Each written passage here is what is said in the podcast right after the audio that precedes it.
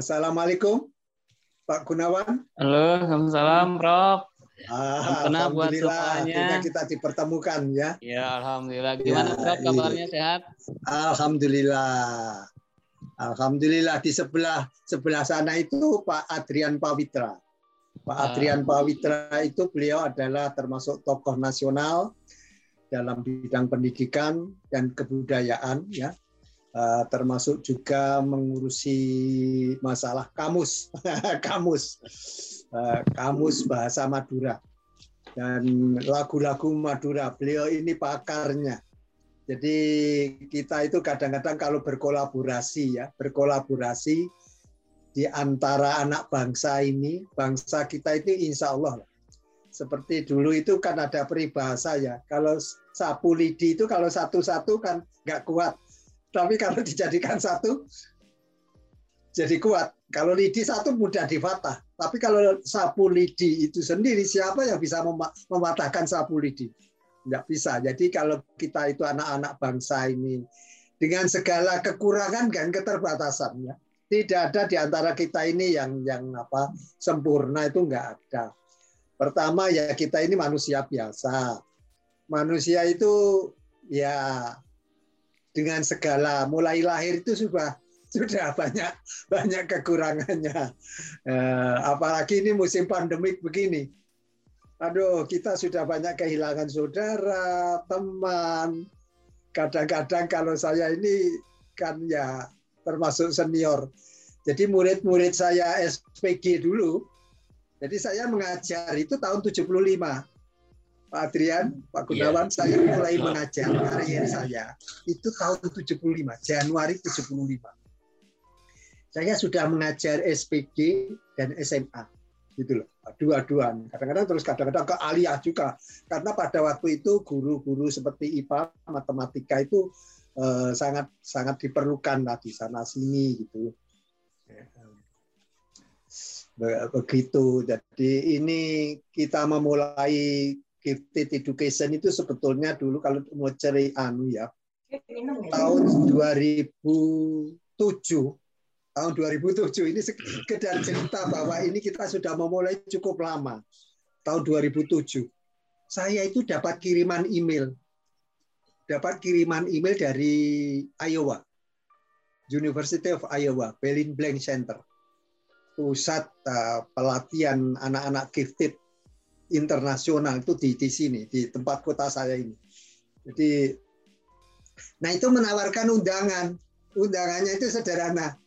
Ya, bagaimana proposal pendidikan anak-anak gifted di negaramu. Gitu saja. Nah, terus gimana ya?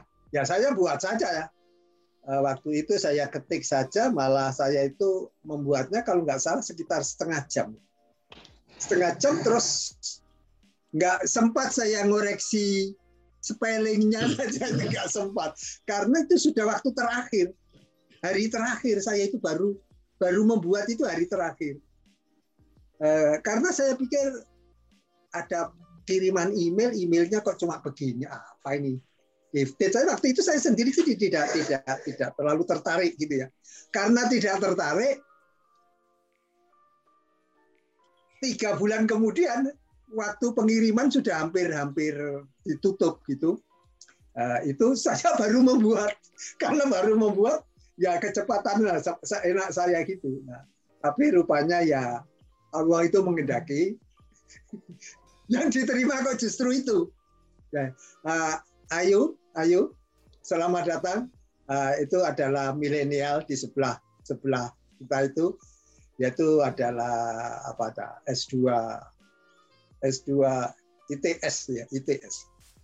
Nah, dia, dia termasuk ya anak-anak muda ya ini karena anak apa Mas Gunawan ini termasuk anak muda kalau saya ini misal generasi yang anulah generasi. Tapi ya sudah saya merintis tadi ternyata eh, proposal yang saya ajukan itu akan diumumkan saya kirimkan itu eh, pengiriman paling lambat 15 September. Gitu loh pengiriman paling lambat 15 September.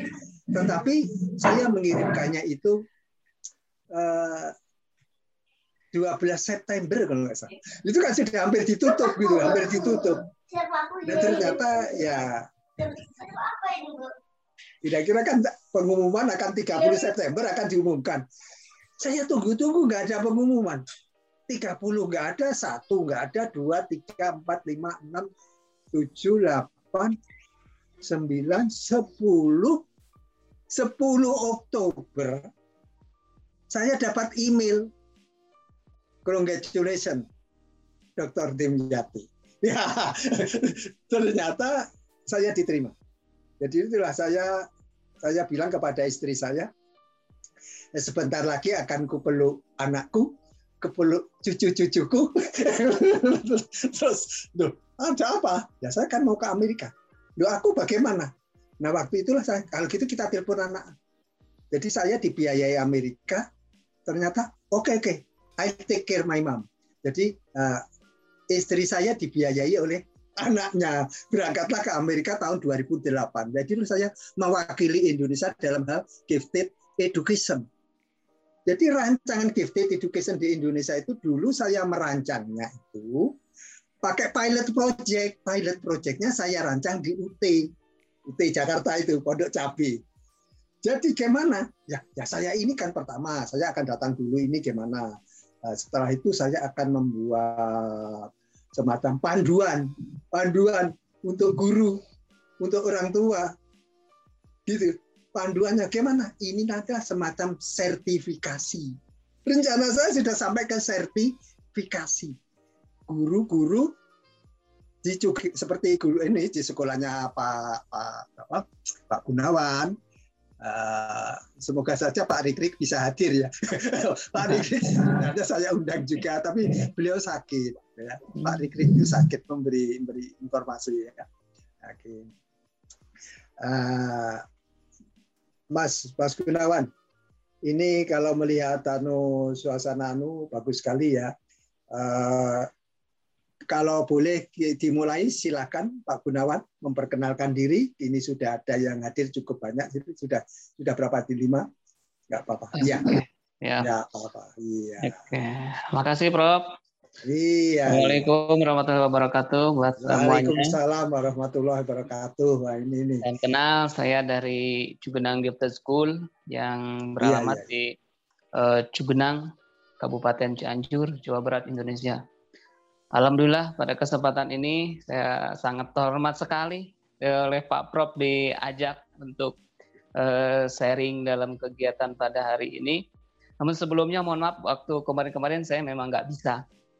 Alhamdulillah sekarang uh, saya bisa bergabung dengan Pak Prof dan sangat sudah lama sekali kita dari pertemuan awal ketika Pak Prof datang ke sini saya baru dipertemukan uh, pada hari ini melalui media ini. Ya mudah-mudahan silaturahmi kita Prof masih tetap berlanjut dan kita harapkan Prof, Pak Prof bisa datang hadir lagi ke sini memberikan edukasi kepada kita semua, kepada guru-guru, tim pendidik semua, uh, biar lebih ada sharingnya juga bagaimana uh, gifted education yang berada di Amerika dengan uh, yang ada di kita.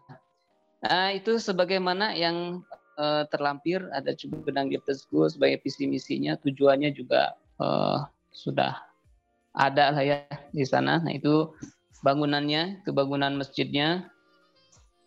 Kemudian uh, itu perpustakaan itu perpustakaannya. Kemudian lanjut nah itu adalah ruang kelas termasuk ada uh, tata kelola kebun organik juga Kemudian itu asrama yang memiliki kapasitas eh, satu tingkatnya itu 80. Kemudian itu adalah ruang kepala padepokan. Nah, di sini Pak Prof dulu ya. Ya, saya nginap di sana. nah, di sana itu. Itu memorinya itu masih di sana. Kemudian uh, itu adalah uh, klinik termasuk uh, guest house, ruang kepala sekolah.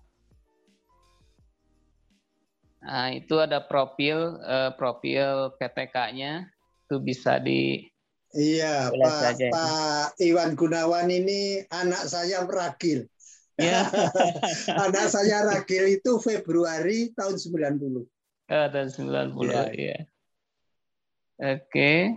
Nah, ini Bu Arnis namanya, ini dari sastra Arab dari Pajajaran Bandung. Kemudian ini Pak Rizky, ini guru guru eksaknya ini.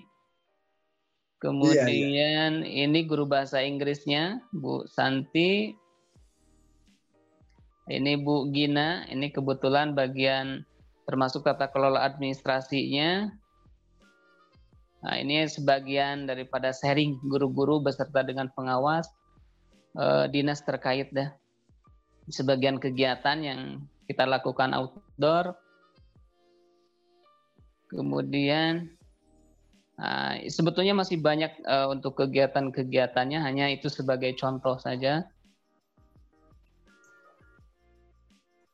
Nah, itu kegiatan ke upacara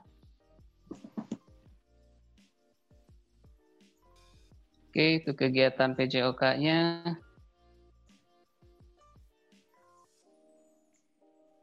Nah, itu kebun organik. Nah, itu bisa di ini ya, bisa dibaca, bisa di-share. Sebetulnya kalau untuk mengenai lanjut aja Prof ya. Itu iya, bisa iya, iya. kita iya. lewat aja ya. Iya. Ya, itu bisa kita lewat, bisa kita lihat. Nah, sebetulnya untuk pendidikan uh, Cugenang Gifted School sendiri Uh, sejauh ini sudah berdiri udah sekitar 10 11 tahun. Udah 11 tahun dari 2010 Juli 2010 sampai sekarang 2021 kita sudah 11 tahun lamanya. Dan uh, beberapa hal yang memang mungkin uh, ada kemiripan dengan namanya anak gifted hanya yang menjadi uh, permasalahan ketika dengan anak-anak gifted ini kita udah berapa kali uh, memiliki guru yang malah uh, dijadikan ataupun uh, protes-protes anaknya terhadap guru itu sangat sangat tinggi, sangat tinggi sehingga kemudian si guru itu sendiri pun kadang-kadang uh, ada yang namanya satu hari ketika kita percicing dengan guru, besoknya nggak datang lagi. Karena ketika dihadapkan dengan anak gifted, oh ternyata rasa ingin tahunya sangat tinggi. Nah, perlu uh, kita ketahui bahwa anak gifted ini ternyata IQ-nya yang memang betul-betul bukan main-main gitu loh. Bukan main-main sehingga kemudian uh, kita perlu menghadirkan orang-orang ataupun sosok-sosok yang uh, bisa memanage si anak gifted ini sendiri gitu loh. Nah, itulah kilas-kilas uh, sebagian daripada tenaga pendidik, kemudian kegiatan-kegiatan keseharian. Dan pernah suatu ketika, ini saya sharing dengan kondisi keadaan aja, Prof ya. Iya, iya, iya. Pengalaman-pengalaman yang ada aja waktu waktu uh, ketika kita uh, apa namanya itu, ketika ada masih ada almarhum Pak Cipto, beliau itu termasuk uh, rekan juga, termasuk pimpinan saya juga kita suka sharing sampai jam 1 sampai jam 2 untuk mengenai membahas kegiatan anak gifted ini. Nah, jadi suatu ketika ini ada anak yang mana di luar itu si anak ini terabaikan. Nah, artinya di pendidikan di luar itu dia udah uh, kelas 3 tingkat dasar. Nah, kisahnya itu udah kelas 3, dia nggak bisa baca, nggak bisa nulis, nggak bisa ngitung gitu loh tapi dia udah kelas 3 gitu loh. Sehingga kemudian dari kelas di luar itu dari kelas asal semulanya sebelum masuk ke CGS ini dia disarankan agar pindah sekolah karena ya artinya sudah gak sanggup lah secara uh, moral udah nggak sanggup uh, manajemen di sekolah yang itu nggak sanggup akhirnya begitu uh, ikut tes ikut tes psikologi ke CGS akhirnya dia ternyata lulus, ternyata dia termasuk anak-anak gifted. Hmm. Nah, iya, kemudian iya. ini kan jadi permasalahan kita semua. Ini gimana caranya? Anak itu gak mau belajar, bisa baca juga belum, berhitung juga belum, membaca menulis juga belum. Nah, artinya ketika dengan almarhum Pak waktu kita sharing juga, waduh, ini gimana ini kasus semacam ini? Gak ada satupun guru yang bersedia untuk mengajar anak-anak yang semacam ini. Ini ini model permasalahan waktu itu oh, awal sekali. Ada masalah anak yang semacam ini. Ya ternyata kebetulan dia udah kelas 3 itu di kelas itu memang betul Prof. Dia gak mau belajar, gak mau nulis, gak mau baca. Kegiatan keseharian di kelasnya apa? Ngemil, makan. Hanya itu aja. Yang yang setiap hari kegiatan di kelasnya itu hanya makan sama bawa mainan itu selesai gitu loh. Jadi nggak ada kegiatan-kegiatan pembelajaran itu nggak ada. Nah waktu itu saya ditugaskan oleh oh, almarhum Pak Cipto, Pak Iwan, gimana ini cara solusinya?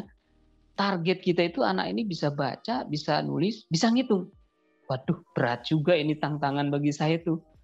Anak semacam ini uh, di, di di sekolah yang lamanya juga udah dinyatakan mereka udah angkat tangan untuk mengelola bahkan wali kelas di sekolah yang lama itu diprotes sama dia termasuk si penjaga sekolahnya digigit juga sama dia.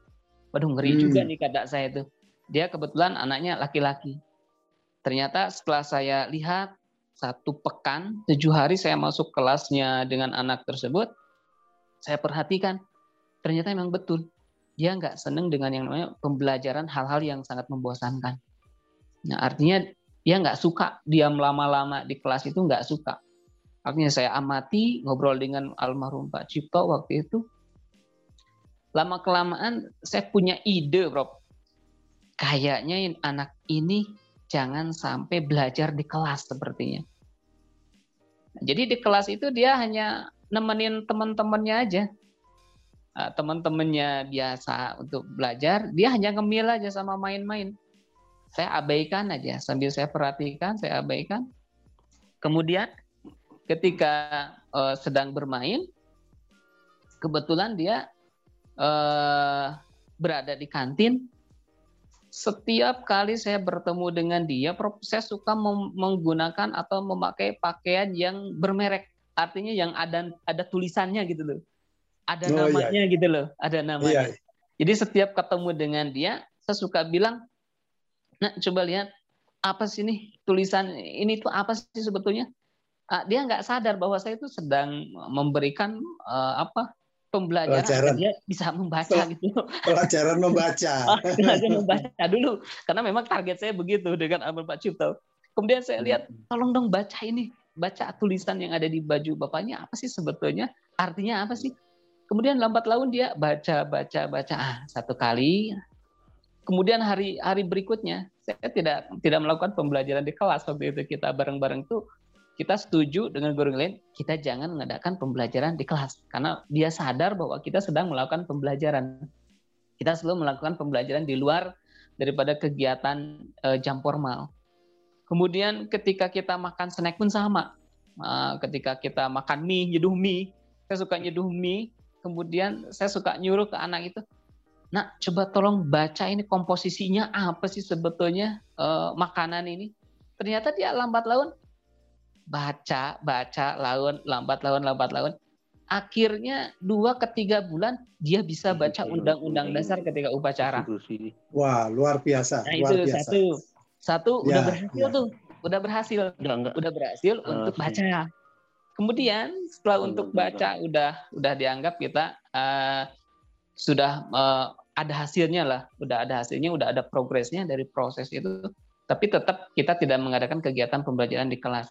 Nah, jadi dengan anak itu kok yang lain itu kita belajar sampai 3-4 jam. Dengan anak itu hanya membaca komposisi, kemudian baca baju yang bermerek, kok malah lebih cepat dia bisa baca gitu loh.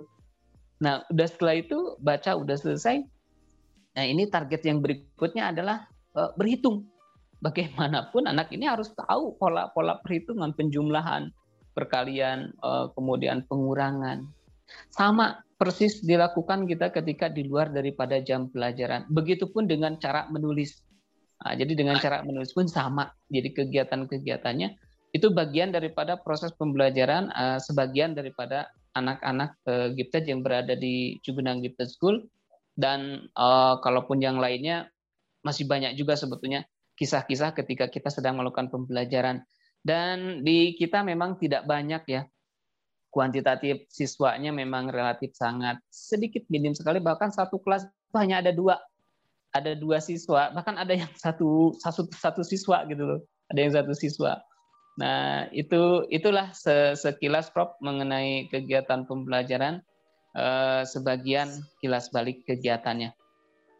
Eh, iya. Mungkin seperti itu Prof untuk kegiatan eh, kalau menurut saya sih, menurut saya ya, itu salah satu bagian dari proses yang menghasilkan eh, apa namanya?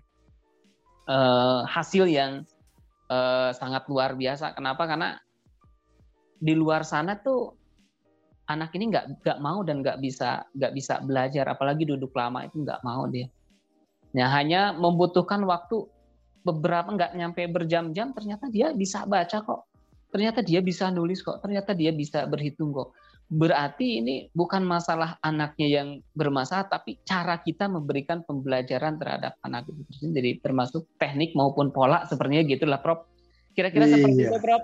Uh, kilas, oh. kilas, kilas, kilas baliknya. Oke. Okay. Oke, okay. terima kasih Pak Gunawan. Ini ini sudah hadir juga Pak Pak Yan.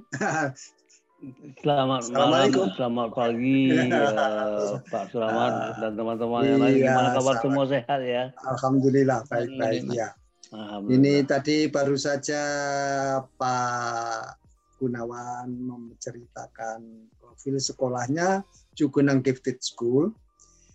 Cugenang Gifted School itu didirikan tahun 2010. Didirikan eh, beliau sponsornya itu salah satu sponsor utamanya itu Pak Rikrik Diskiana. Pak Rikrik yeah. Iya. beliau hari ini tidak bisa hadir karena beliau sedang apa, tidak sehat. Beliau tidak sehat memberi informasi pada saya. Tapi nggak apa-apa, Eh, kita akan berlanjut ini bahwa tidak mungkin kita membicarakan uh, rencana yang sebesar ini hanya satu dua mungkin itu bisa tiga kali podcast. Nah, Pak, saya juga mengundang Pak Direktur Jenderal Menengah Pendidikan Menengah dan Khusus itu Pak Dr. Zan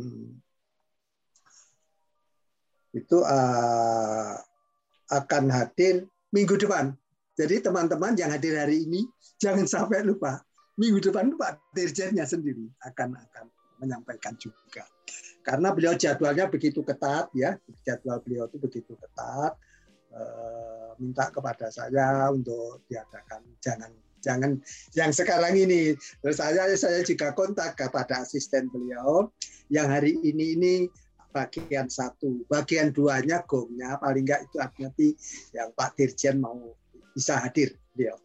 Jadi itulah yang sebetulnya yang uh, dalam hal-hal yang lain sebetulnya yang tadi pernah saya sampaikan uh, di di kota saya ini bahkan di seluruh Amerika Serikat itu pendidikan anak gifted itu sudah linknya tuh luar biasa.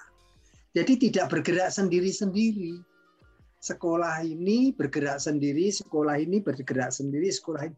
Tapi secara nasional itu sudah sudah terangkum dengan bagus sekali. Ya alhamdulillah saya ini punya cucu. punya cucu. Cucu yang sedarah itu dua. Cucu yang tidak sedarah tambah lagi satu. Jadi tiga orang itu gifted, super gifted bapaknya itu sampai ke, saya itu mengeluh. Kalau panggil saya itu kan ayah, ya gimana anak saya dua-duanya kok begini nakalnya. Hanya main game. Tadi kalau tadi diceritakan Pak Gunawan, muridnya yang aneh itu kalau di kelas, dia itu maunya cuma ngemil saja.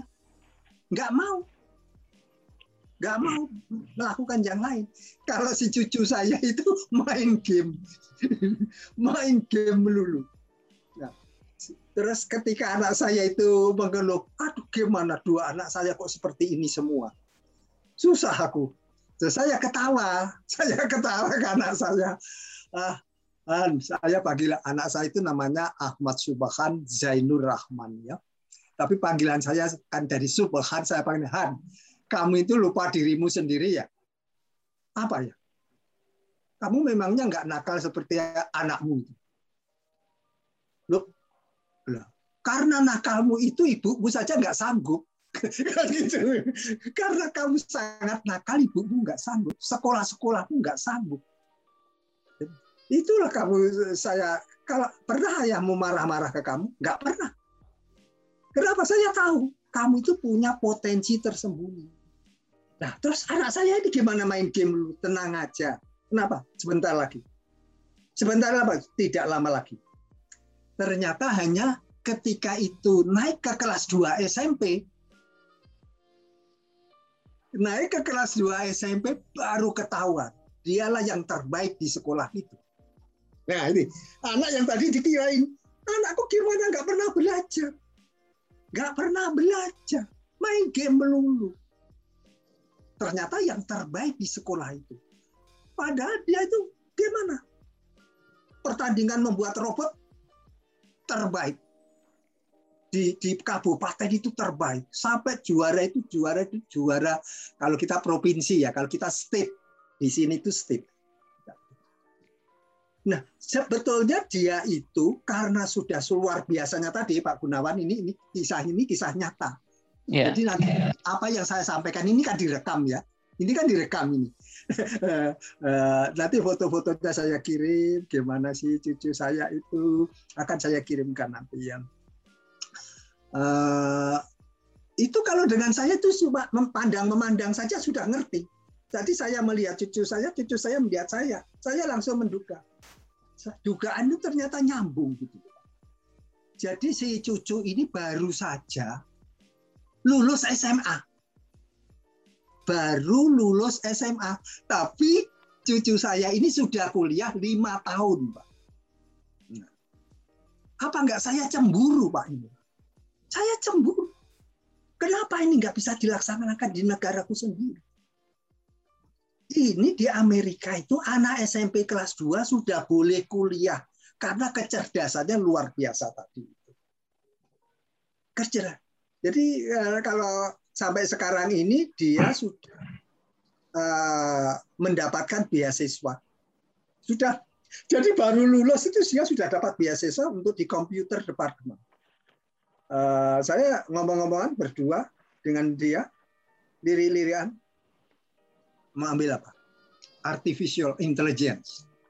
Jadi yang mau dikembangkan itu sudah artificial intelligence. Then cyber security.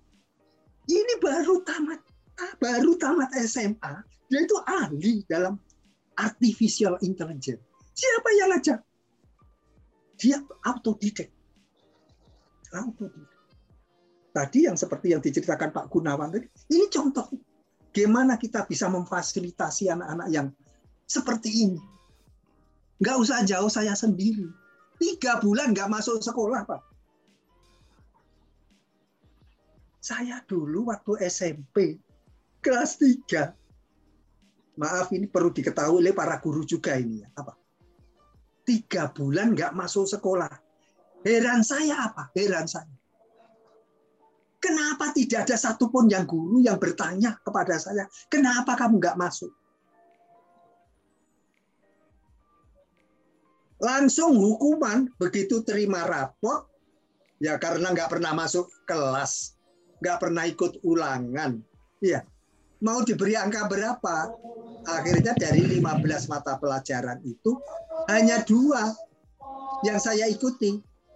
Yang saya ikuti hanya pelajaran seni suara, seni suara saja, karena kan nggak mencatat. Terus olahraga. Apa penyebabnya saya itu kok tidak masuk? Ternyata kemiskinan yang luar biasa. Jadi pada waktu itu di tahun itu kan tahun-tahun 66, zaman-zaman G30S ya, eh, tahun 66 itu miskin sekali lah. Sampai-sampai saya itu nggak tega untuk minta beli buku tulis. Karena yang dimakan saja nggak ada. Gitu. Yang dimakan tuh nggak ada. Jadi apalagi beli buku tulis. Karena tidak punya buku tulis saya sekolah takut. Aduh kalau nanti guru saya menerangkan saya nggak nyatet daripada saya nggak nyatet dimarahi guru lebih baik nggak masuk. Akhirnya statur bulan satu sejarahnya itu 15 mata pelajaran yang 13 itu merah. Merah itu nilainya 345. ilmu ukur dulu namanya ilmu ukur sekarang geometri. Itu tiga. Nilai saya tiga. Wah tiga empat lima tiga empat lima. Yang enam itu cuma dua. Seni suara dengan olahraga. Langsung saya dikeluarkan pak dari sekolah. Ini ternyata saya cuma janji kepada kepala sekolah pak pak kepala kalau bapak memberi waktu saya paling lama dua bulan saya yang terbaik di sekolah ini. Dan saya akan lebih baik dari Bapak sendiri. Bapak adalah guru yang terbaik, kepala sekolah terbaik di Jawa Timur. Saya akan lebih baik dari Bapak. Menatap pandangan mata saya itu percaya kepala sekolah saya yang sudah dikeluarkan, ya sudah le. Panggilan orang Jawa itu kan le. itu ya sudah le. Anggap surat wasiat itu nggak ada. Jadi surat pemecatan Ini jadinya seperti ini ternyata dalam waktu satu minggu, dalam waktu satu minggu, semua pelajaran itu sudah ada di kepala. Nah, kalau mau ditanya ini teori belajar mana ini? Ya sama dengan cucu saya tadi, saya cerita. Ini main game dulu, tapi dia yang terbaik di sekolah itu. Semua mata pelajaran dibabatnya semua. Nah sekarang dia sudah ahli artificial intelligence, belum kuliah sudah kuliah lima tahun tidak keluar. Tapi belum resmi. Sekarang ini sebetulnya ya baru sepertinya orang melihatnya baru kuliah, padahal sudah kuliah lima tahun. Dia sudah ahli komputer sekarang. Nah inilah yang kita, saya cemburu sekali dengan Amerika Saya akan lem gimana sih guru-guru di sini, pengaruhnya gimana. Di sini ini mulai sekolah itu sudah membuat nilai anak-anak saya sekian dan nilai itu jujur, tidak ada bohong. Bukan karena ini anaknya kepala sekolah, bukan karena ini anaknya guru nilainya dimurahkan. Enggak ada. Bahkan penilaian, penilaian itu masuk dikatakan kategori gifted itu bukan bukan sekolah. Ada yang namanya komite sekolah. Komite sekolah itu yang menentukan, oh anak ini masuk. Anak ini bisa kuliah. Anak ini nggak bisa biar itu orang tuanya, wah ini anak saya bisa biar enggak, orang tua tidak boleh masuk. Guru tidak boleh masuk. Yang menentukan komite sekolah. Komite. Dan inilah mari program-program ini kita berbagi. Termasuk Cugenang Gifted School tidak akan bisa maju kalau tidak ada kerjasama. Kerjasama dengan sesama sekolah gifted. Jadi di, di Jampang, Bogor, itu ada sekolah gifted namanya Smart Excellencia itu itu kayaknya lebih dulu daripada Jugena. Dia adalah insan cendekia ya istilahnya insan karena di, di, dibangkitkan dari dompet duafa. Dompet duafa, Pak Jan. Pak Jan itu ada dia kalau ada usulan uh, sekolah gifted untuk anak-anak yang duafa uh, yang yang di Jampang itu sudah dirintis kira-kira 12 15 tahun yang lalu. Sekarang produk-produknya sudah mendunia. Produknya sekolah esensial itu sudah mendunia. Jadi dia diterima di mana-mana karena memang luar biasa. Jadi itu. Kalau lagi sekolah gifted lagi ada lagi yang saya kenal itu adalah ada di di Sibolga, Pak. Itu ditindirikan oleh dulu namanya kalau nggak salah Faisal Tanjung atau Akbar Tanjung kelompok dari sana. Di, di. Tapi uh, sayangnya uh, saya ngontak kepala sekolah dan termasuk guru-gurunya tidak ada waktu untuk join dengan kita ini. Jadi seandainya ini, ini kita sharing sesama sekolah gifted school, alangkah baiknya. Nah saya membawa yang dari Amerika, dari Amerika. Ini mari resources sumber-sumber ya kalau biasa nanti kalau perlu kita bawa ke Amerika, kita undang, kita undang dengan kalau saya biasanya berundingnya begini, berundingnya seandainya nanti itu uh, dari Indonesia ada kelompok-kelompok yang mewakili dari sekolah-sekolah gifted, terus pengambil kebijakan eh, baik nasional maupun provinsi maupun kabupaten itu akan luar biasa. Eh, saya ya akan minta insentif. Minta insentif kepada kepada universitas ini. Ya saya ini ini Indonesia kan ya, dari JNP-nya sekian ini sekian kategorinya gimana gitu. Nanti insya Allah minggu depan ini minggu depan Pak Dirjen akan akan jadi narasumber Pak Dirjen uh, pendidikan menengah. Beliau juga dan khusus dan khusus dan karena kata khusus ini sebetulnya termasuk gifted. Jadi ya nanti akan kita share lah uh, bagaimana tadi termasuk produk rekaman hari ini akan saya kirimkan beliau juga termasuk bagaimana program-program yang ada di Amerika dan nanti teman-teman itu sudah bisa diakses di sdmyati.com. Jadi yang kita bahas begini nanti ini sudah bisa di, diakses di sdmyati.com. Jadi itulah sharing-sharing yang yang kita harus berbagi. Tidak bisa kita berjalan sendiri. Tidak bisa kita berjalan sendiri. Ya, saya kan beruntung saja. Kalau saya ini beruntung, serba beruntung. Gak mana nggak beruntung. Lawang sekolah tadi itu nakal nggak ketulungan tadi tiga bulan nggak masuk tiga bulan nggak masuk akhirnya kok jadi seperti ini Akhirnya saya dapat di British Council, dikirim ke Texas, dikirim ke Iowa sampai PhD. Itu uang dari mana? Kalau nggak uangnya Republik. Gitu. Tapi kadang-kadang idenya ide-ide yang gila, orang gifted itu orang-orang biasa tidak menangkap. Ternyata tahun 94 saya ditangkap oleh Amerika Serikat. Diambil jadi asisten profesor. Tahun 94 sudah jadi asisten profesor University of Iowa Eh, bulan bulan ini, bulan Juni ini, saya dipaksa menerima pensiun. saya dipaksa lagi untuk pensiun saja saya dipaksa. Ya, kamu harus pensiun. Ya, saya itu kalau orang Amerika itu kan nggak boleh dipaksa. Ya, kalau kamu menyuruh ya sudahlah saya ambil. Kapan mulai kapan? Dia itu menawarkan, maaf kamu mau ambil tahun lalu, dua tahun yang lalu, boleh karena umurmu sekarang ini sudah hampir hampir 70, nanti Desember itu saya 70. Di sini boleh ngambil pensiun tuh umur 65, Pak. Sama, sama dengan Indonesia. 65 itu ngambil pensiun. Boleh. Jadi 66 awal 66 sudah bisa. Tapi saya saya lewatin saja enggak enggak saya ambil. Ya, saya biarin saya nggak nggak nggak mau gitu. Karena apa ya sebetulnya kalau sudah mengambil eh, pensiun itu ada batas-batas ada keterbatasan income. Kalau kalau ya itu itu apa masalah financial thing ya. Ya enggak enggak penting. Yang saya pentingkan ini tadi kita itu berbagi seperti ini loh. Jadi saya beruntung sekali sebagai orang Indonesia yang diberi anugerah.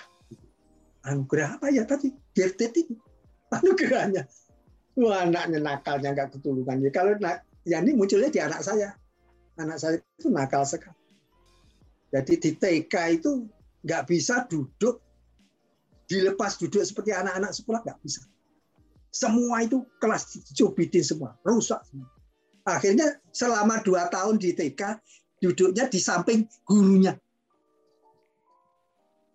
Nah, berhenti dari TK ya karena nakalnya itu datang pagi-pagi kelasnya diinjak-injak ditangkap oleh Pak Pak Bon katanya mau diikat setelah itu dia keluar nggak mau sekolah lagi. Ya itu sejarah apa anak-anak nakal tadi pak. Bapak itu itu gifted. Jadi istilah anak nakal anak yang tidur di kelas ya kan? Tidur di kelas tidak mau nyatat nah terlalu lambat. Guru mengajar itu terlalu lambat menurut cara berpikirnya jadi saya diskusikan dengan istri saya istri saya kerja juga guru. Ya guru di Man 4 Jakarta manfaat Jakarta, dia jumpai anak-anak itu ada anak-anak yang tidur melulu. Akhirnya nggak mau sekolah. Saya nggak mau sekolah. Ternyata justru dia yang berangkat ke Amerika. Dialah yang berangkat ke Amerika. Ya, anak tiduran tadi. Percontohan wakil Indonesia yang berangkat ke Amerika. Jadi anak-anak nakal tuh, nggak mau ngikuti pelajaran di sekolah nggak mau. Terlalu lambat jadi logika yang terlalu karena ininya ini terlalu cepat. Cara berpikirnya terlalu cepat. Jadi ini uh, saya selanjutnya meminta kepada Pak Adrian ya, Pak Adrian. Saya persilahkan memberikan masukan-masukan apa yang diberikan Pak Gunawan dan sekedar urian saya dan nanti akan terus saya kirimkan kepada bapak-bapak semua bagaimana tuh gifted education di seluruh dunia. Jadi ini link saya itu sudah ke seluruh dunia. Jadi ini mau saya bagi. Jadi kalau kita mau Indonesia itu maju, ini jangan lupa, ini anak gifted itu adalah yang apalagi yang IQ-nya sampai 140 seperti si Bolga, si Bolga Pak 140.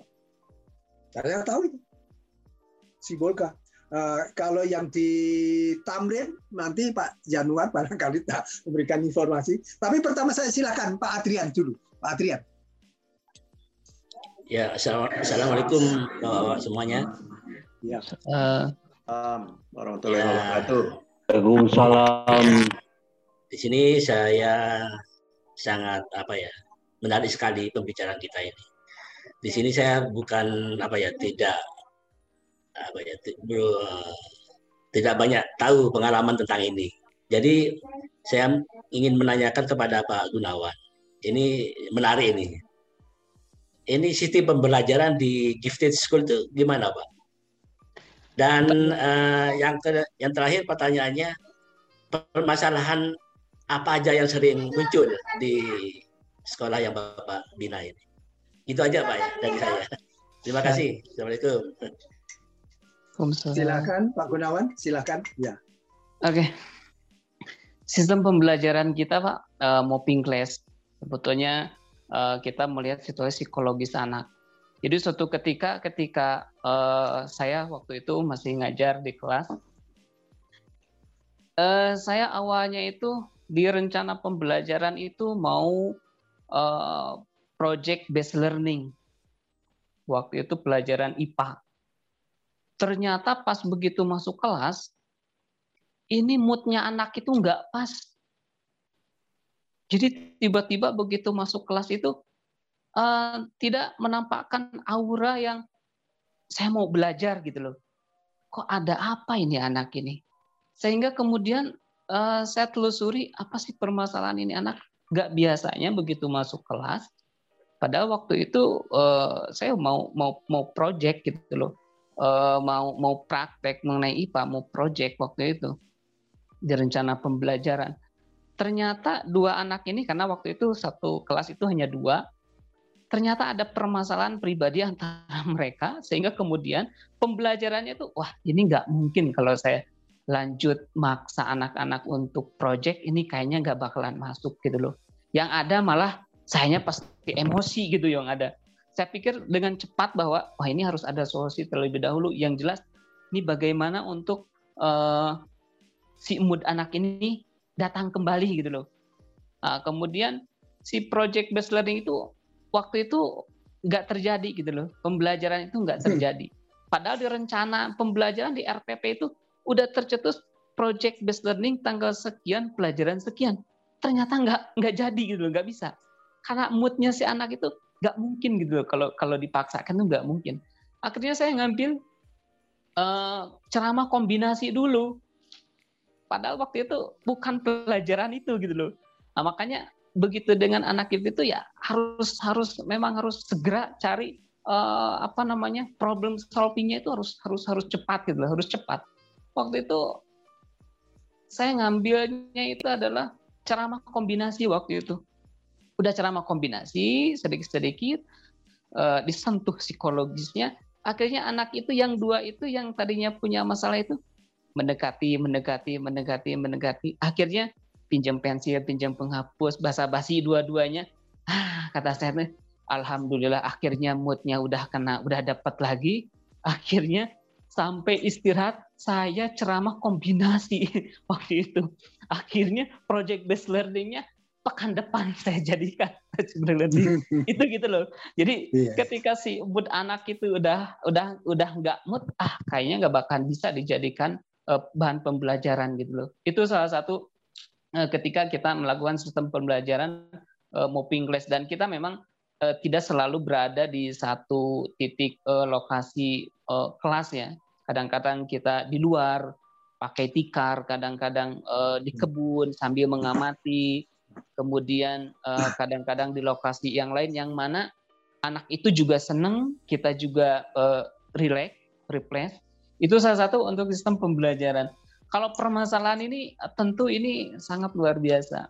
Kalau masalah permasalahan, kadang-kadang anak gifted itu kan melakukan suatu uh, eksperimen yang di luar daripada uh, apa namanya itu perkiraan kita gitu loh, di luar perkiraan kita. Uh, waktu ini masih baru-baru loh. Ini ada kasus si anak itu ngebakar toilet gitu loh. Jadi toilet hmm. dibakar sama anak laki-laki ini. Ini uh, apa namanya itu aktifnya itu sangat luar biasa, sangat hiper, hiperaktif banget gitu. Dia anak laki-laki. Uh, dia dia kerjanya memang usil sih anaknya. Ini ketua uh, ketika kita sedang waktu itu sedang ada uh, pertemuan dadakan dengan guru-guru karena kebetulan anaknya juga uh, sedang kegiatan uh, istirahat waktu itu setengah sepuluh. Ternyata pas uh, saya ke bawah ke dekat lokasi Anak ini satu orang sedang asik aja ngebakar toilet yang mana ternyata di dalam toilet itu ada tumpukan uh, bekas botol, botol aqua gitu loh. Ditumpukan di sana. Jadi ada salah satu karyawan kita yang memang uh, suka naruh-naruh barang bekas kemudian nanti dimanfaatkan. Kemudian sama anak itu dibakar. Saya nggak marah waktu itu. Hanya kaget aja begitu si asapnya udah udah mengepul, Kemudian kita siram bareng-bareng dengan anak itu. Anak itu juga kaget. Kemudian saya tanya, ini siapa yang ngebakar? Gak tahu pak. Lah kok kamu yang ada di sini kok gak tahu? Beneran pak gak tahu. Itu di saku apa? Gak ada apa-apa. Ternyata pas diperiksa itu ternyata bawa korek dia. bawa korek. Hmm. Pak ini kamu gak bisa ngelak loh. Ini ada loh. Iya pak ini tuh saya yang ngebakar. Kenapa? Kebakar. Karena sebetulnya ini toilet itu bukan untuk tempat uh, bekas botol-botol gini pak katanya jadi kalau bekas botol ini harus di tempat sampah bukan di sini. Ya untuk membersihkan ya aku bakar aja. Nah, akhirnya kita juga tidak bisa menyalahkan anak-anak gitu loh. Jadi si anak ini eh, ketika ada sesuatu hal yang menurut aturan publik atau lingkungan itu nggak pas, ya dia dia eksekusi sendiri tanpa kompromi gitu loh. Nah, itu salah satu permasalahan mengenai eh, anak-anak yang memang sering kita temukan juga. Kemudian ketika anak-anak ada permasalahan seperti ini. Ketika waktu itu saya menanya kepada anak-anak, e, "Nak, apakah kamu sudah mandi waktu itu?" Anak itu jawab dikira saya ya, prediksi saya antara dua jawabannya. Sudah atau belum gitu loh. Dua prediksi itu yang ada di benak saya pasti jawabannya antara sudah dan belum. Ternyata jawaban anak itu bukan itu gitu loh. Di luar daripada prediksi saya. Jawaban anak itu sangat membuat saya itu agak tersenyum juga. Apa jawaban anak itu? Coba Pak lihat ciri-ciri aku udah mandi atau belum. Jadi si anak itu malah coba ciri-ciri aku udah mandi atau belum. Nah itu salah satu uh, kelebihan anak kita. Jadi uh, di luar daripada prediksi kita itu suka muncul, termasuk pertanyaan-pertanyaan uh, mereka muncul.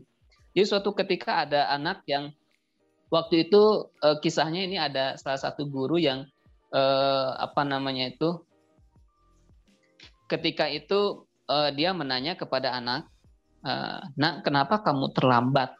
Jawaban anak itu uh, juga sangat luar biasa kalau menurut saya. Jawaban anak itu bilang, bapak juga kemarin terlambat katanya. Itu salah satu bagian-bagian yang memang uh, selalu kita uh, apa temukan dalam permasalahan demikian. Termasuk guru itu pun sendiri, uh, apalagi guru-guru yang uh, belum memahami karakter-karakter anak gifted, itu sering kali menjadi bahan-bahan uh, uji coba bagi anak-anak gifted. Uh, mungkin seperti itu Pak sistem Iya uh, iya iya. ya Didin Didin di, kita ada kemudian bagus sekali. permasalahan bagus sekali. Itu slide terakhir tadi. Slide terakhir itu memang bagus ya. Jadi Eh, karakter anak gifted itu memang harus difahami oleh guru. Ya, ya, Jadi betul. kalau tidak difahami yang mirip-mirip mirip ini tadi anak gifted itu eh, karena otaknya begitu cepat itu cara menjawab pertanyaan pun berbeda. Iya, betul. Ya, kan solusi bahkan kemungkinan masalah nasional itu dia yang mikirin. Ya. Orang lain mikirin yang kecil-kecil, dia memikirkan yang besar-besar karena kemampuan daya nalarnya luar biasa. Jadi kalau ke saya pikirkan apa pertanyaannya dari Pak Adrian tadi memang luar gimana sistemnya ya ya kurikulumnya kita kita berbeda dengan dengan sekolah umum kita melakukan mana sih yang perlu saja untuk yang gifted itu kita melakukan uh, saringan tertentu menurut keperluan gitu saja. Sehingga secara sistemik memang sekolah gifted itu belum sistemik di Indonesia. Sehingga uh, anak yang sudah luar biasa begini kadang-kadang disamakan saja begitu sudah lulus. Sudah. Nah, caranya gimana ya? Akhirnya kita harus membuktikan kepada masyarakat bahwa lulusan saya ini luar biasa. Bagaimana ya kita tandai kalau nanti kita tamat SMA sudah buka kira-kira ini pasti bisa diterima di beberapa universitas terbaik di Indonesia. Kalau perlu nanti kalau saya coba ini kalau saya linkkan dengan luar negeri, ini bisa saja diterima di Amerika Serikat. Itu.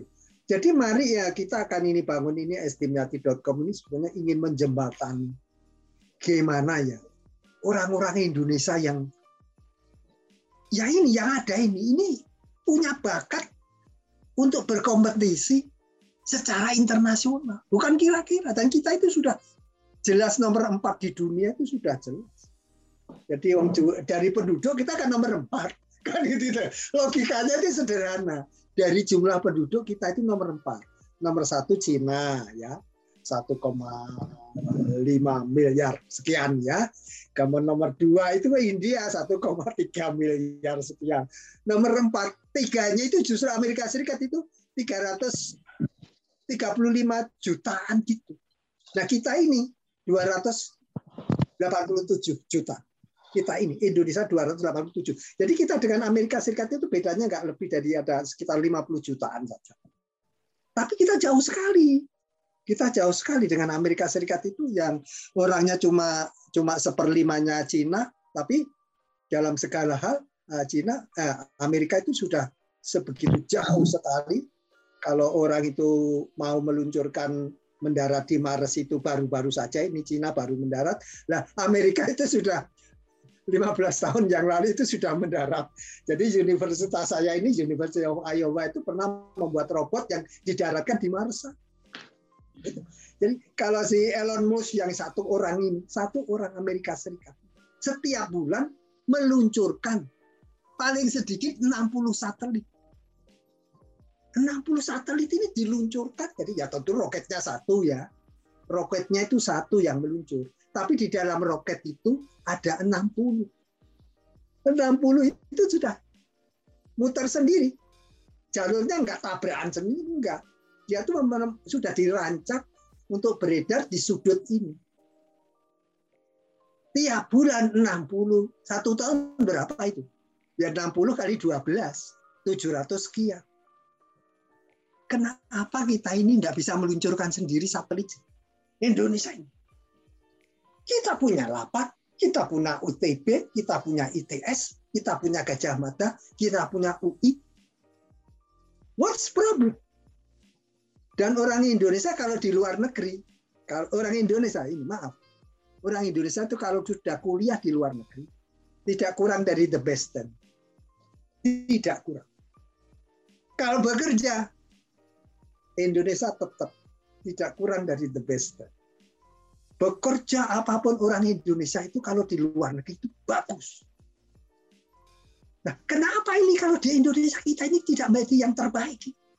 Nah, Pak, sebetulnya ini sudah waktunya kita mendekatkan tadi ini Pak Adrian, ada Pak Zan, ada uh, ini ada Siti Jamilah ya, terima kasih. Pak Irwansyah juga yang sudah pengamat lama juga.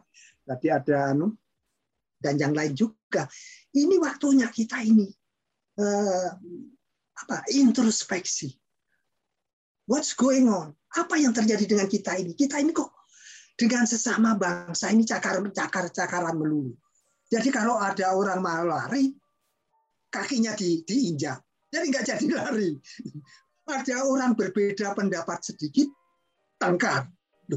ini yang menyebabkan kita ini tidak maju-maju karena tidak menghargai perbedaan. Kita dari Sabang sampai Merauke.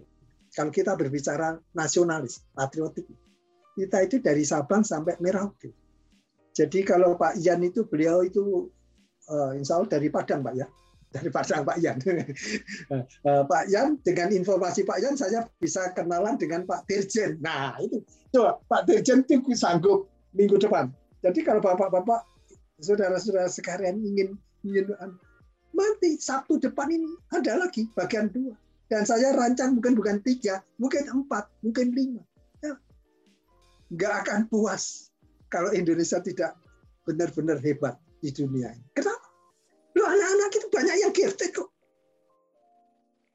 Secara matematik ya, secara matematik. Dari 10 ribu, 5 sampai 7 pasti. Yang 5 sampai 7 itu sudah pasti. 10 ribu yang lahir, 10 ribu yang lahir itu antara 5 sampai 7. Kalau dibuat rata-rata, Pak Yan ya, orang matematik beliau itu. Itu kan 6. Jadi cuma enam dari sepuluh Pak. Kenapa kita mikirin yang cuma enam orang dari sepuluh ribu kan nggak mikirin yang sepuluh ribu. Yang sepuluh ribu juga dipikirin dengan kelas normal. Itu loh. Kelas normal. Yang enam tadi mungkin dulu rancangan saya satu kabupaten itu satu Pak. Satu kabupaten satu sekolah gifted. Tapi kalau nanti Pak Dirjen itu setuju, ini dibuat sistem Satu kabupaten satu. Nah, kabupaten A dengan kabupaten B itu harus saling membantu dong. Bantu apa? Ya, kamu pengalamanmu gimana? Pengalamanmu gimana? Pengalaman-pengalaman cerita seperti ini, ini kita tulis, kita upload, kita saling berbagi. Ini loh, pengalamanku begini. Dengan pengalaman seperti ini, artinya kita sharing, experience berbagi ilmu. Dari situlah kita bisa meloncat. Kita bisa kompetisi di dunia. Jadi, jadi nanti anak-anak kita yang luar biasa ini biarkanlah dia yang berani. Uh, saya kira gitu Pak Adrian juga. Kalau anu sekarang saya silahkan juga Pak Yan. Pak Yan, silahkan Pak Yan.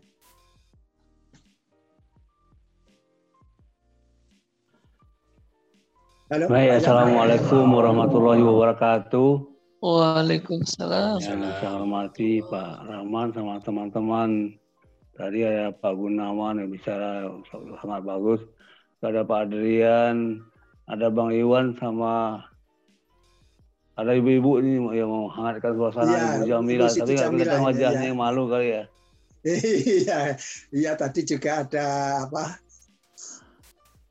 itu dari Kamal, dari Kamal itu. Baik teman-teman. Silakan, silakan.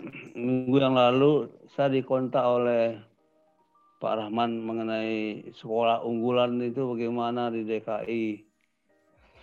Saya ingat waktu itu sekitar tahun 2006 Pak. 2006 ya, iya. Ya, salah satu Lensrada kita memiliki visi bahwa Jakarta menjadi salah satu kota besar yang mampu bersaing dengan kota-kota besar lainnya mampu bersaing itu berarti memiliki SDM yang unggul kan. Iya. Karena itu waktu itu gubernur Bang Yos, kok Jakarta nggak punya sekolah unggulan ya? Sedangkan tadi di Sibolga sudah ada, kemudian di di Magelang ada, kita kan nggak punya. Maka kami ditugaskan untuk membentuk sekolah unggulan itu. Ya, kita bertanya sekolah unggulan seperti apa dan tentu saya waktu itu belum terpikir minta pendapat uh, para ahlinya. Oleh karena itu kita kumpul-kumpul mengundang beberapa ahli-ahli pendidikan yang ada di Jakarta, di antaranya almarhum Ibu Koni, Bapak Tilaar, Pak Ari Rahman, Pak Indra Jati, dan seterusnya. Kita adakan SGT, SGD ya. Artinya sekolahnya yeah, yeah. level yang apa dan apa yang perlu kita siapkan muncullah beberapa hal yang menjadi usul adalah pertama yang perlu kita siapkan adalah sekolahnya itu sekolah eh, IPA yang memperkuat IPA. Oleh karena itu bukan bukan IPS bukan apa. Selain itu apa? Dia memiliki kemampuan IT yang bagus, bahasa Inggris yang bagus dengan eh, badan yang sehat ya in, uh, badan yang sehat itu dia oleh karena itu apa penjabarannya Harus ada lab yang bagus, lab biologi, kimia, fisika, IT dan bahasa Inggris mampu bersaing kan gitu. Bahasanya harus yeah, bagus. Yeah. Kemudian fisiknya harus bagus juga. Dibangunlah sarana olahraga diusulkan mulai dari lapang voli, lapang basket, indoor, tenis, kolam renang sampai lapangan bola Pak disiapkan.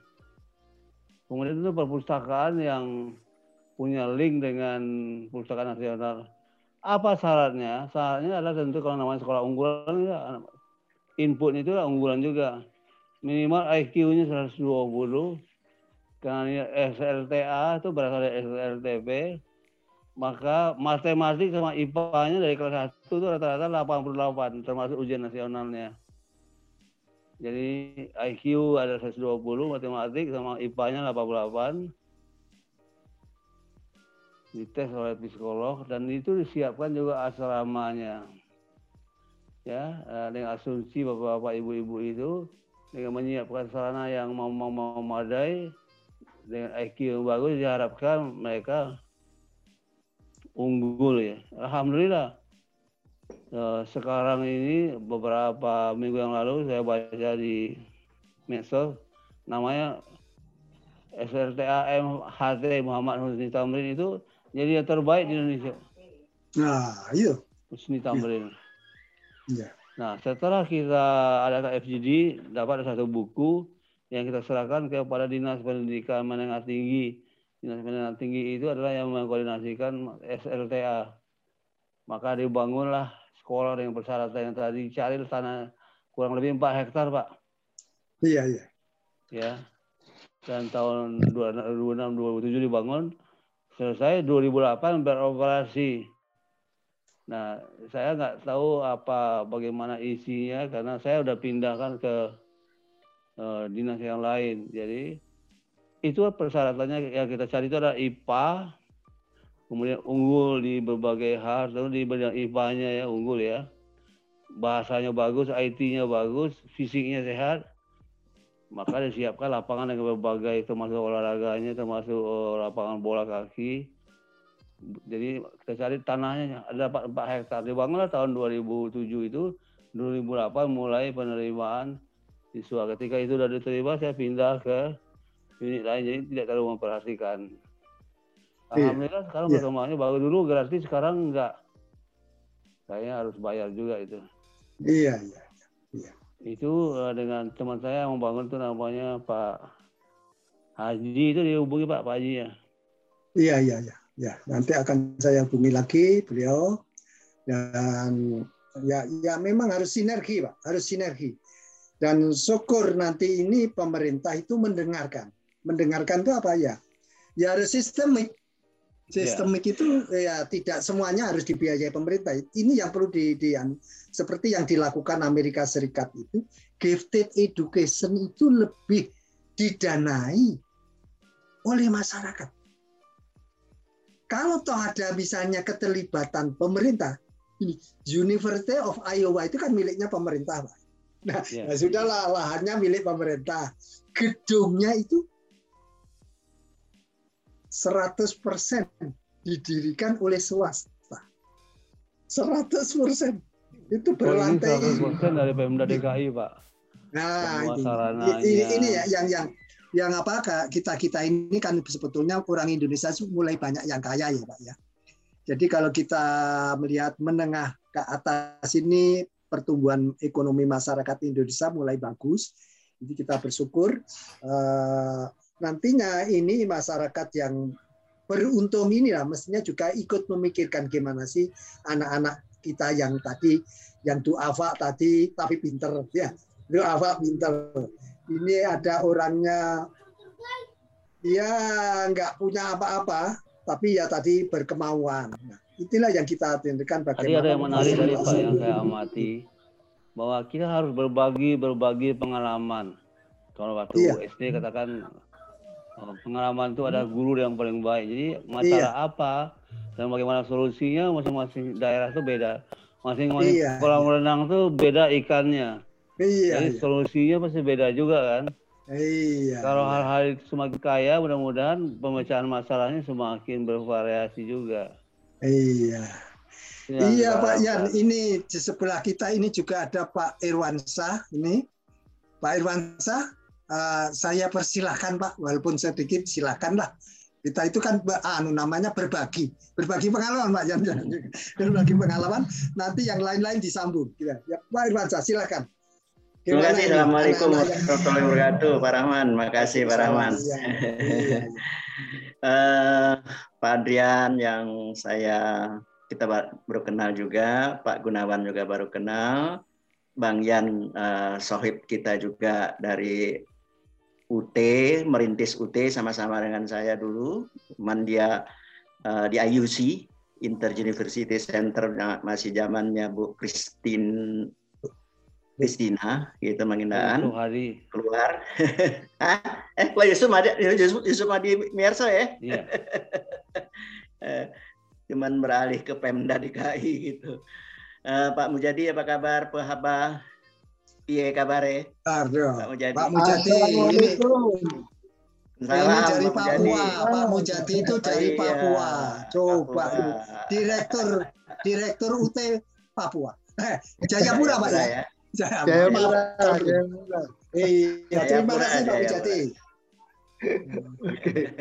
Jayapura. Oke salam hormat juga buat teman. Uh, kalau Pak Mujadi ini dari Aceh ke Jayapura luar biasa ini. Dari iya. pimpinan iya, direktur betul. Aceh sampai Sabang ke. Sampai ke Merauke ya. Lang-lang buana nih di UT-nya. Ya dari, dari itu direktur dari Baik. Sabang sampai Merauke direktur Indonesia ini. Kalau saya nggak nggak nggak pernah sampai puncak di seperti Pak Mujadi gitu, hebat Pak Mujadi. Sehat-sehat Pak Irwan. Baik. Uh, begini, Pak Gun, uh, sharingnya uh, tadi saya tidak sepenuhnya mendapatkan uh, keterangan ataupun penjelasan dari best practice-nya dari Pak Gunawan gitu ya. Tapi saya sedikit me, dan apa me, mungkin menanyakan atau menanggapi gitu ya eh, kebanyakan saya nggak tahu ya di tempatnya di Yayasan Pak Gunawan itu eh, adakah guru, adakah guru yang benar-benar nyata-nyata katakanlah memotret ya, memotret oh ini anak brilian. Oh, ini anak berbakat. Oh, ini anak pintar kalau tadi dicantumkan tentang teori ataupun konsep eh, karakteristik sama positif negatifnya, itu teorinya seperti itu, konsepnya seperti itu. Menurut saya, kalau itu bisa dijadikan semacam eh, apa ya eh, keadaan lapangan yang betul-betul eh, operasional, fakta datanya itu bisa di, di, di, di dihimpun, kemudian di-share, kemudian didiskusikan, dicarikan model. Nah, ini akan lebih baik. Itu satu hal, Pak Gunawan. Mungkin bisa menanggapi itu satu. E, berhubungan dengan Bang Yan nih. Bang Yan, e, tadi saya tertarik tentang e, Dikmenti. Dikmenti ya. Menurut saya, unit yang ada di Dikmenti di provinsi, di provinsi saya melihat delegasinya belum penuh. Otonomi daerahnya belum penuh. Ini yang mesti eh, menurut saya, menurut saya eh, kepala dinas katakanlah kepala dinas diknas tempat provinsi dalam hal ini yang mengkoordinasikan kabupaten kotanya, kepala dinas disdiknya gitu, itu menurut saya masih belum Eh, memfungsikan optimal uh, dari tugas pokoknya di provinsinya itu. Nah, sekarang sudah sebatas mana kewenangan-kewenangan antara kementerian dengan dikmentinya itu. Itu persoalan kalau buat saya, Bang Yan. Saya kira itu dua hal uh, Pak Gunawan dengan Bang Yanwardi. Makasih. Assalamualaikum warahmatullahi wabarakatuh. Waalaikumsalam. Ya. Ya, sebelum ke Pak Gunawan, saya memberi kesempatan dulu ke Pak Mujati yang jauh-jauh dari Papua. Ya. Pak Mujati, silakan. Iya, terima kasih Pak Pak Dim. Kita sudah lama nggak ketemu ya. Pak Irwansa. Dan salam, salam kenal sama Pak Gunawan. Salam kenal Pak. Assalamualaikum. Waalaikumsalam. Iya. Saya memang baru ini ya kontak-kontak mau mencoba karena kesibukan juga barusan selesai apa ban PT ya baru sore tadi ya. Yang akhirnya Pak apa Pak Dimiati mencoba memberikan support. Kamu jadi muncul. Oh ya. Nah tapi saya sudah sedikit menangkap apa yang apa dibicarakan tadi. Memang uh, permasalahan kata-kata unggul. Untuk siswa itu uh, banyak trouble-nya. Ya. Kita sebenarnya harus mengakui, menyadari bahwa uh, menggali atau uh, mencari bibit-bibit unggul itu uh, tidak seperti yang kita harapkan. Ya. Walaupun di sana sini sudah memperhatikan seperti apa yang dikatakan oleh Pak Dimyati, ya, Gibbs tadi. Nah, tapi di Indonesia itu kan uh, berbeda. Ya. Uh, satu sisi dibenahi, tapi sisi yang lain itu nggak mampu. Uh, sebagai contoh, pernah sebelum saya berangkat ke Jayapura, pulang dari Aceh, itu saya diminta untuk memberikan pembinaan tentang uh, eh, IPA di SD di sekitar UT. Nah, kurang lebih tiga sekolahan. Dari tiga sekolahan itu saja yang jaraknya mungkin hanya 500 meter dan kurang lebih ada yang satu kilo. Itu sudah sangat berbeda sekali perannya dan fasilitasnya. Kemudian siswanya juga demikian. Dari sekolah satu dan sekolah berikutnya yang lain itu mempunyai keunikan sendiri. Ada keunggulan-keunggulan dari siswa, namun belum bisa ditangkap, belum bisa digali, belum bisa dipersiapkan dan disediakan material educationnya. Ya. Salah satu contoh sekolah yang pernah saya dipanggil, betapa lengkapnya bantuan alat-alat laboratorium SD itu luar biasa.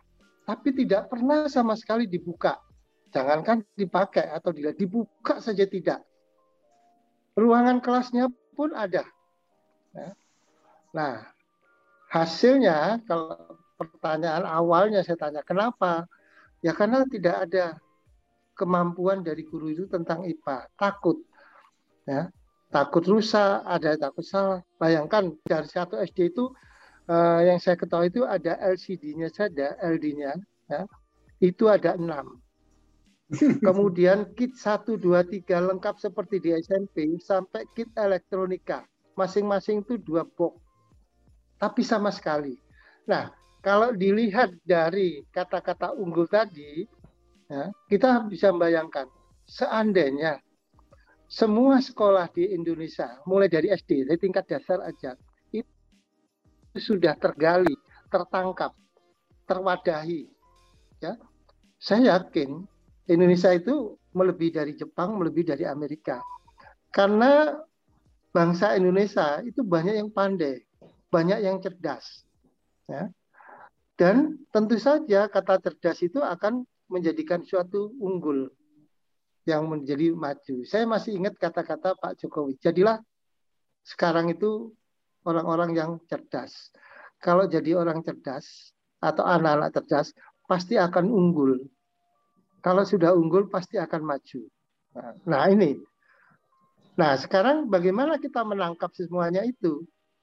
Ya kita tidak hanya bagian-bagian yang kecil, harus secara menyeluruh. Salah satu contoh, saya pernah melakukan penelitian di daerah kota, yaitu kota Mojokerto, di kotanya, kemudian dengan di pinggirannya, paling pinggir di daerah hutan jati. Itu sangat berbeda sekali. Kemampuan siswa, kalau saya lihat waktu itu, itu lebih mampu dan lebih termotivasinya itu di daerah-daerah pinggiran di hutan jati. Nah, nah yang tidak ada apa? Yang tidak ada bagaimana menangkap potensi dari siswa itu sendiri. Yang ada apa? Kemandirian gurunya. Ya, nah di situ. Sedangkan di kota dengan kelengkapan ya bisa mungkin ya kemampuannya lebih. Tapi di desa-desa enggak. Apakah kita itu hanya menjaring daerah kota saja yang hampir 80% itu kita itu tersebar di desa-desa. Nah, ini yang juga harus kita pikirkan. Kalau hanya bagian-bagian kecil kita akan tetap 0 sampai 10 ya. Bagian bawah, bagian atas tetap terus akan berjalan begitu. Ya, alangkah baiknya kalau memang itu secara konsisten penggalian potensi siswa-siswa unggul itu menyeluruh. Apakah itu di kota-kota besar seperti Jakarta, Surabaya, tapi di kota-kota kabupaten dan kota itu harus.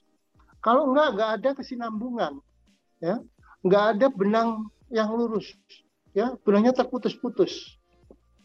Nah, daya angkat sebagai manusia unggul nah, itu akan berkurang. Seharusnya kita mempunyai daya angkat manusia unggul itu lebih yang kita harapkan bahkan kalau itu tergali sampai 25 tahun yang akan datang Indonesia sudah menjadi bangsa dan negara yang sangat maju. Nah, inilah karena apa? Itu tadi ada satu sekolah dengan jarak yang tidak jauh berbeda, dia mempunyai material pendidikannya atau gurunya dan sebagainya di situ material educationnya itu sangat beda sekali ya. Tidak sama padahal itu satu kota ya. Satu kecamatan dan sebagainya. Beda. Nah di mana letaknya? Ya kita harus mencari benang merahnya di mana ini ya. Ini yang memang perlu kita gali memang perlu kita apa uh, data secara menyeluruh apalagi di Papua. Jangan berharap Ya. Jadi saya sudah keliling ada 23 kabupaten di Papua. Unggul, iya. Kalau lihat ini anak ini unggul. Kalau di benar-benar dibenar atau ditangkap, kemudian difasilitasi, dibimbing, ada guru tersendiri yang mampu, itu pasti ada. Tapi apa? Ya sudah, potensi-potensi berkembang nanti dulu. Ya, ini jadinya. Ya. Ini provinsi yang paling timur yang sama sekali untuk pendidikannya, bukan hanya pada siswanya, gurunya saja juga agak susah. Ya, jangan salah, kalau di pedalaman guru membaca itu agak susah. Lah, apalagi siswanya. ini di Papua ya. Lain di Jawa. Nah, ini intinya apa? Ini ada kesenjangan yang sangat jauh. Ya, bagaikan angka 0 dengan angka 10. Nah, sehingga transfer ilmu pengetahuan dan teknologinya ya beda sekali. Ya.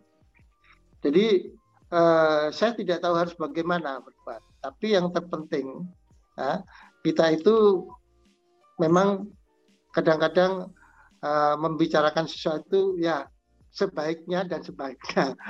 Tapi kalau kita dilakukan dengan cara ayo kita lakukan apa pun dalihnya, kemudian secara sedikit demi sedikit bagian tangga yang naik, tapi itu secara konsisten, ya semuanya secara bersama, paralel semuanya, pasti kita akan mempunyai bakat-bakat unggul itu yang banyak. Nggak usah hitungan 10, 100, 200 ribu, mungkin ada ratusan ribu kita punya manusia-manusia unggul. Saya kira itu sedikit saja yang saya. Oh iya, terima kasih Pak Mujati. Terima kasih Pak Mujati. Terima kasih pada semuanya. Ini kita dibatasi waktu ya. Uh, tapi saya mengundang sekaligus ya Eh, minggu Sabtu depan semuanya kami undang. Karena insya Allah itu Pak Dirjen mau hadir sebagai narasumber kita. Dan saya juga sebelumnya akan sharing rekaman hari ini akan saya kirimkan kepada semua. Ya akan saya kirimkan. Termasuk nanti uh, tambahan-tambahan. Jadi saya punya di sdmiati.com itu ada gifted education. Silahkan diakses itu uh, sudah sudah kita siapkan ya Uh, saya sudah membuat link-link dengan University of Iowa dengan Belling Blank Center ya. Ini kepada anu ada berbagai orientasi ya Pak Mujadi tadi. Pak Mujadi dengan saya itu sama-sama backgroundnya ya. fisika. backgroundnya iya. fisika, otaknya fisika. Mulai nilai itu selalu sini praktikum, praktikum, praktikum.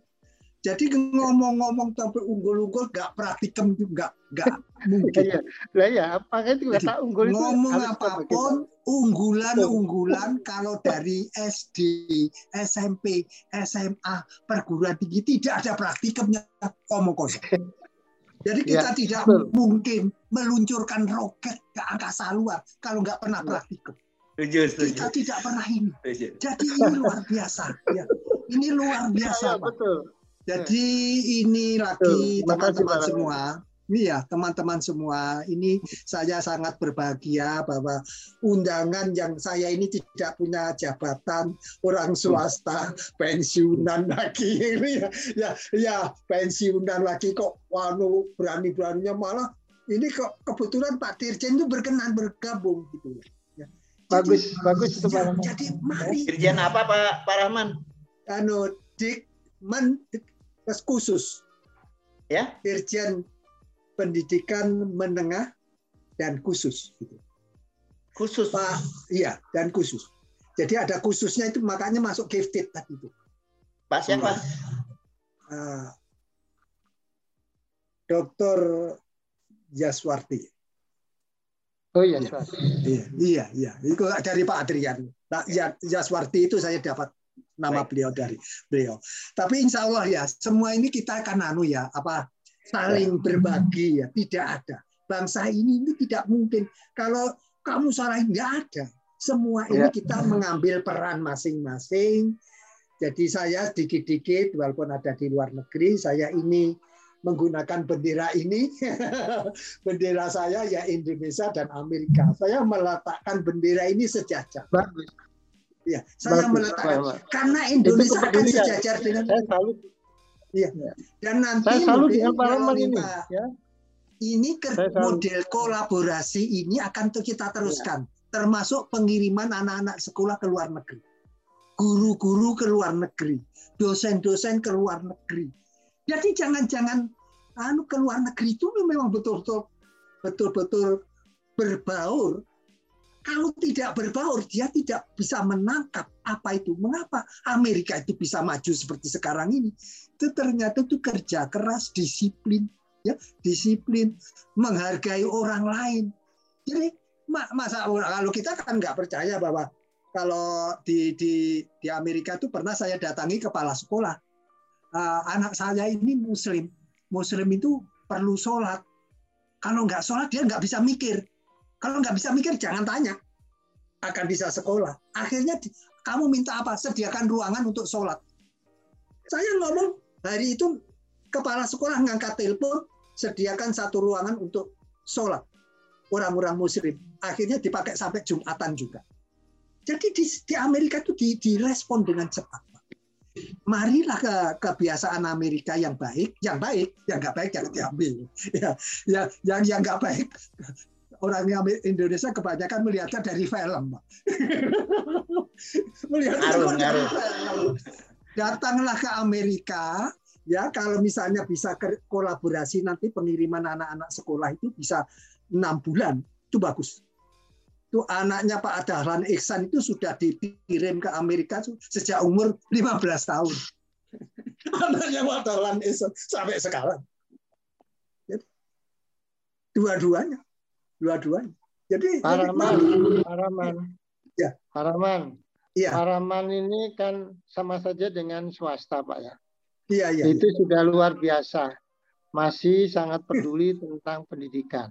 Ya. Saya kira ini support ini luar biasa. Ya. Kita tidak mengenal, oh ini dari mana, dari mana, tapi dari kita sendiri. Nah, iya, iya. Kesadaran ini, nah saya salut banget ini kalau Pak Rahman uh, melakukan hal-hal yang positif begini. Nah, hendaknya ini bisa bisa dilihat minimal itu didengar lah ya bahwa ini ada orang-orang yang sangat peduli di luar pemerintahan.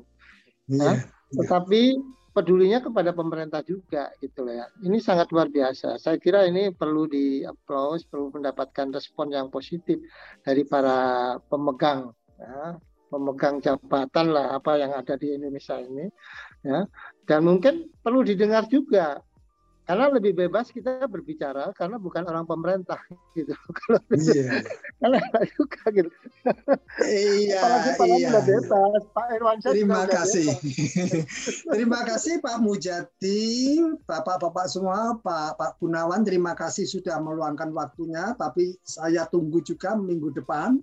Ya kenapa? Kita itu makin makin seperti sapu lidi makin kita ya. sinergi makin bagus ya. Terima kasih semua. Selamat malam di Indonesia dan saya di sini selamat pagi. Assalamualaikum warahmatullahi wabarakatuh. Waalaikumsalam warahmatullahi wabarakatuh.